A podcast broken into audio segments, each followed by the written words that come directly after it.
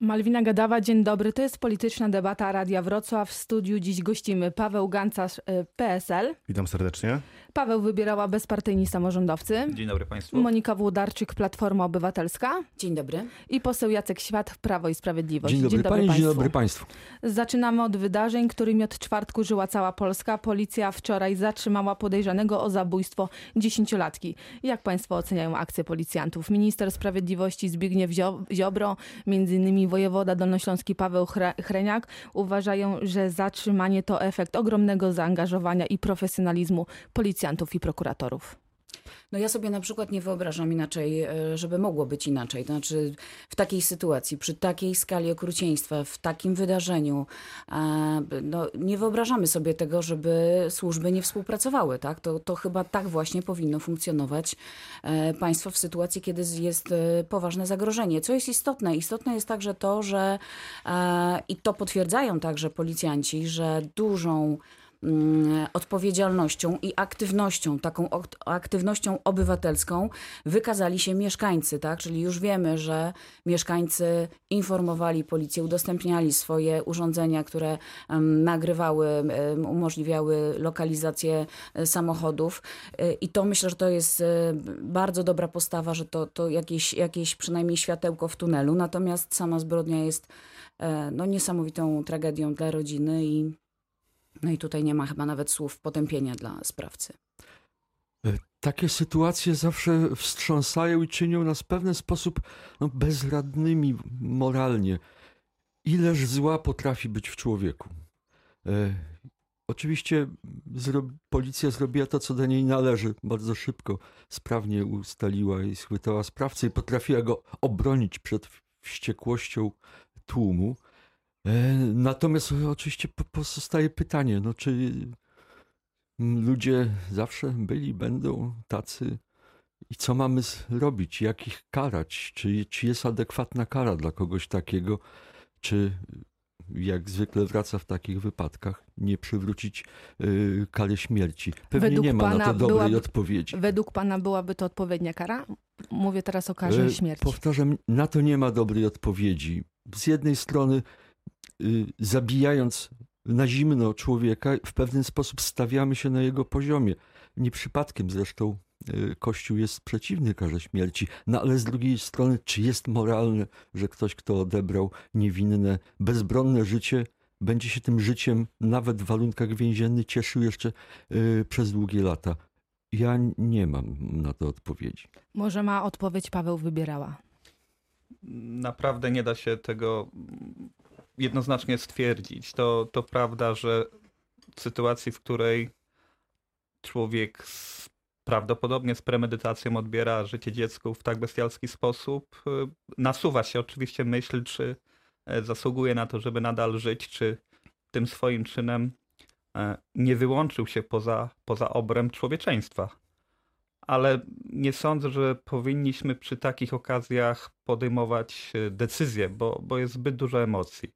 Myślę, że teraz trzeba podziękować policji za, za ich pracę, za to, że tak krótko udało się złapać podejrzanego, bo to cały czas jest podejrzany, i, i mieć nadzieję, że to faktycznie jest sprawca, tak? Inaczej, że policja faktycznie u, ujęła sprawcę i, i uda się wymierzyć temu sprawcy sprawiedliwość, bez względu na to, czy ta sprawiedliwość mm, w jakiś sposób złagodzi ból bliskich, rodziny, bo, bo pewnie nie. Paweł Gancarz. Olbrzymia tragedia na pewno dla rodziny, dla bliskich z tego miejsca. Oczywiście najgłębsze wyrazy współczucia. Myślę, że od nas wszystkich będących w studiu. E, no ciężko to w jakiś sposób y, opisać. Nikt myślę, że z nas nie chciałby znaleźć się e, w podobnej sytuacji. E, no zostaje w tym momencie modlitwa i to, co było wcześniej wspomniane, czyli nadzieja, że ujęta osoba jest faktycznie sprawcą. Jak wiemy, zarzuty chyba jeszcze nie zostały postawione. E, tutaj cieszy, że reakcja e, policji była tak dynamiczna i tak zdeterminowana do tego, żeby, żeby ustalić tą osobę, która dopuściła się tego bestialskiego czynu. No i może jeszcze jeden aspekt, czyli taki aspekt, który mm, pewnie jest trudny w takiej sytuacji, ale prewencja, to znaczy rozmawiajmy ze swoimi dziećmi, strzeżmy jak tylko się da najlepiej. E, No bo jak widzimy, czy wiemy, no zło nie śpi, może się pojawić. My bardzo dużo sił i środków kładziemy teraz na cyberprzestępstwa takie sieciowe. E, No ważne, żeby też e, to oko rodzica było jednak ciągle czujne i, i żeby rozmawiać z dziećmi o różnych zagrożeniach, także i takich. I to jest też także taki moment, z którego trzeba wyciągnąć wnioski. Mówimy o prawie karnym, o karach, więc zostańmy chwilę dłuż, dłużej przy tym temacie. I tutaj niecodzienna sytuacja. Naukowcy z Uniwersytetu Jagiellońskiego skrytykowali, skrytykowali zmiany w kodeksie karnym. Resort Sprawiedliwości zapowiedział, że pozwie naukowców za ekspertyzę. Może Pani poseł Jacek na mnie, Świat. tak? tak. E, je, y, Przyzna pan, że to niecodzienna To jest sytuacja. sytuacja y, y, dość niecodzienna, chociaż pytanie, czy, czy każdy mm, tekst napisany przez y, y, osobę z tytułem naukowym jest, jest ekspertyzą. Znaczy w części to on jest ekspertyzą, został prze, przedstawiony w, w, w tej formie, natomiast on miał dalsze życie w postaci swoich klonów gdzieś w internecie, na, na portalach, na forach. No ale na chyba za to naukowcy już nie gdzie odpowiadają. również był opatrywany przez tychże naukowców y, różnymi komentarzami wychodzącymi, myślę, po, już poza y, zakres y, zwykłej, zwykłej ekspertyzy. No i pytanie drugie, czy, czy ekspertyza może być pisana i, i tworzona w złej wierze, czy może zawierać y, y, oczywiste nieprawdy. No i oczywiście y, pytanie, jak, jeżeli już takie nieprawdy się znajdą, w jaki sposób na nie y, reagować. Z- Zobaczymy, jaka będzie decyzja i Ale pan ministra uważa, że i to dobry zobaczymy, krok? jaka będzie decyzja ewentualnie y, sądu. Jeżeli Ministerstwo Sprawiedliwości pójdzie do sądu, uważa pan, że to dobry krok resortu sprawiedliwości?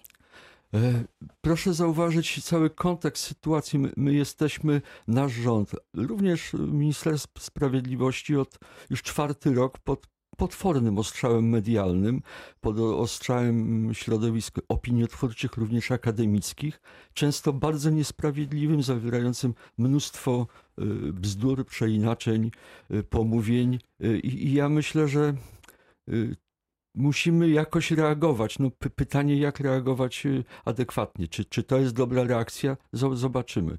Ale no, my chyba wszyscy już mamy y, trochę dość tego, co się tak popularnie na- nazywa y, hejtem i y, no, no i z tym trzeba walczyć. Ale opinię jakiś sposób. naukowców traktuje pan jako hejt? Samą opinię, pytanie, czy to jest opinia, czy opinia może zawierać rzeczy, które są oczywiście niepra, nie, nieprawdziwe, czy to jest jeszcze opinia prawna, czy to już jest tekst polityczny. No i znów niech, może rzeczywiście niech, niech spróbuje to rozstrzygnąć sąd. Pan poseł, Chociaż ja nie jestem entuzjastą w ogóle y, działań takich typ, jakichś administracyjnych. y, Natomiast y, bardzo często może właśnie sąd jest chyba na, najlepszą drogą, instancją, żeby bronić no, swojego dobrego Teraz imienia. Prawo i Sprawiedliwość będzie pozywać wszystkich, którzy będą krytykować ustawy? E, Nie, no mam nadzieję, y, że nie. Natomiast to oczywiście trzeba reagować na, na e, ewidentnie złą wolę, na ewidentne kłamstwa, nieprawdy, pomówienia. Pan poseł zadał tutaj bardzo ważne pytanie, jak reagować na krytykę. No właśnie, jak reagować na pewno nie procesami, nie karami, bo, bo y, krytyka naukowa to jest zupełnie inny rodzaj y, krytyki. To jest, to jest pierwsza sprawa. Nie, nie porównywałabym jej do hejtu, to, to z pewnością. E, No jest jeszcze coś takiego, co, co dużo wcześniej się może zdarzyć, a mianowicie dyskusja na argumenty. Znaczy może warto po prostu przeanalizować wszystkie argumenty i tej dyskusji chyba właśnie tutaj zabrakło przy tych zmianach w kodeksie i stąd może taka opinia e, prawników Krakowskiego Instytutu Prawa Karnego.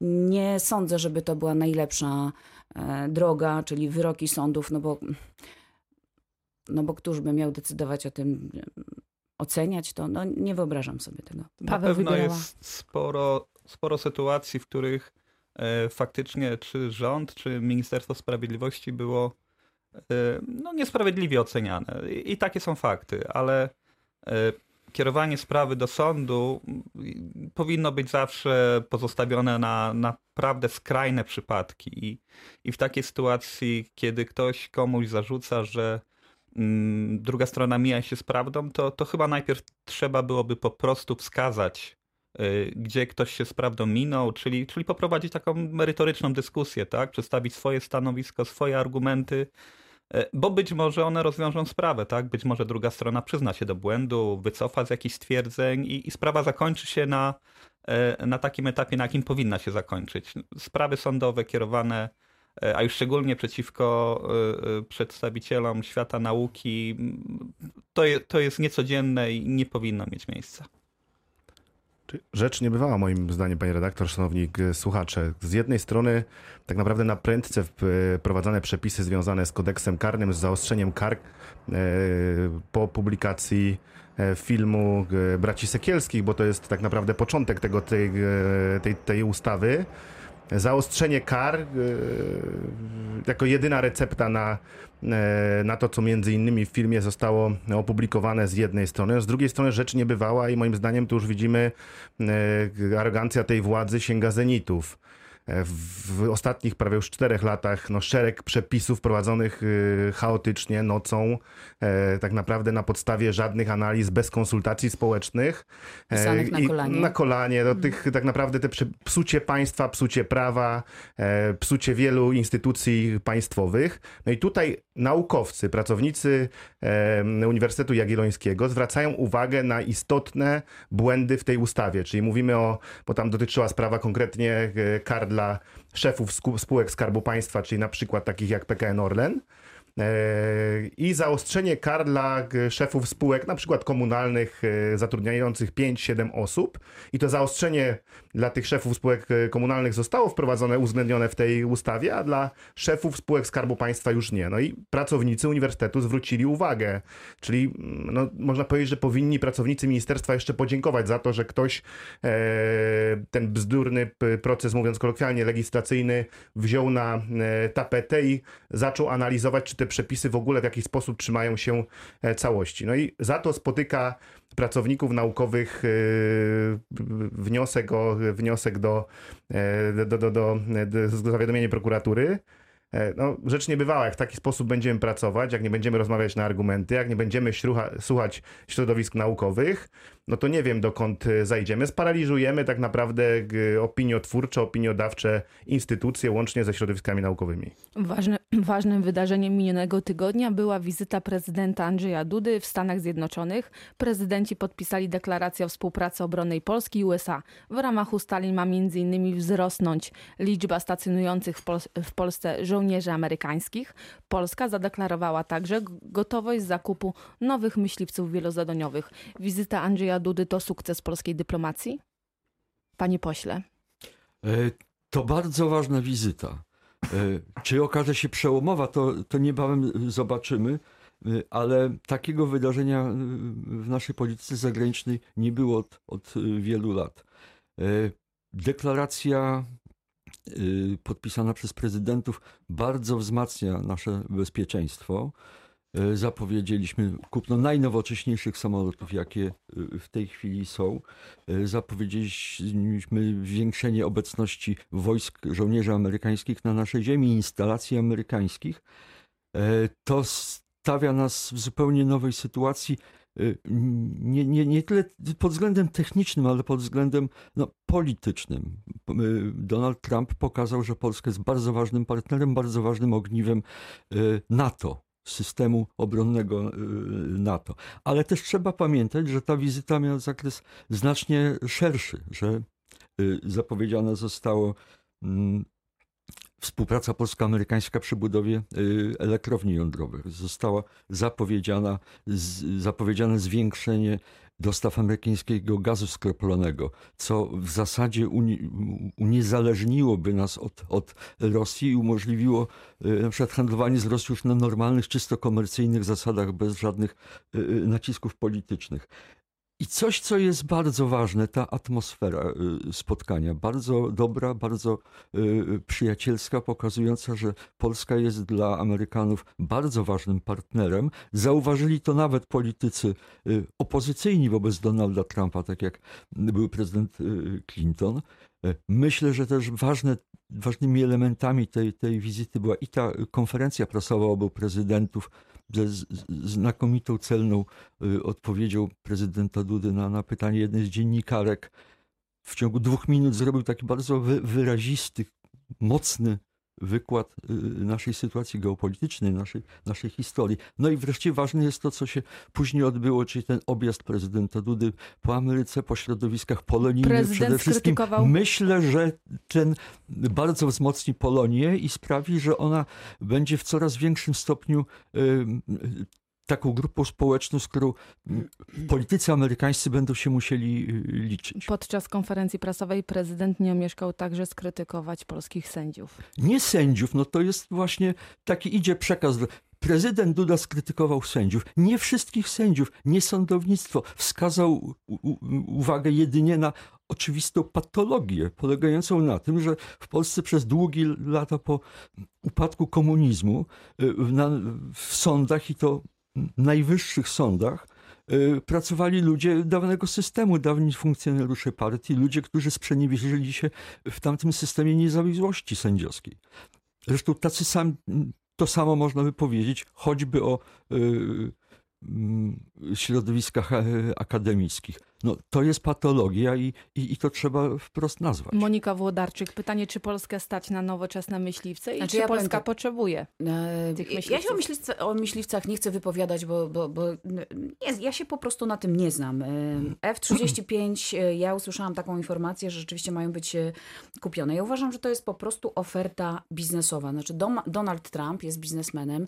Donald Trump położył na stole, czy kładzie na stole pewną ofertę biznesową i tutaj do tej wizyty należy podchodzić e, na trzech płaszczyznach, czyli politycznej, militarnej i ekonomicznej. Moim zdaniem to jest początek e, mocnej biznesowej współpracy E, i te myśliwce F-35 mają dokładnie jakby ten wymiar i ten obszar. Usłyszałam opinię, że generał Skrzypczak powiedział, że samoloty mają pewne usterki, właśnie te F-35.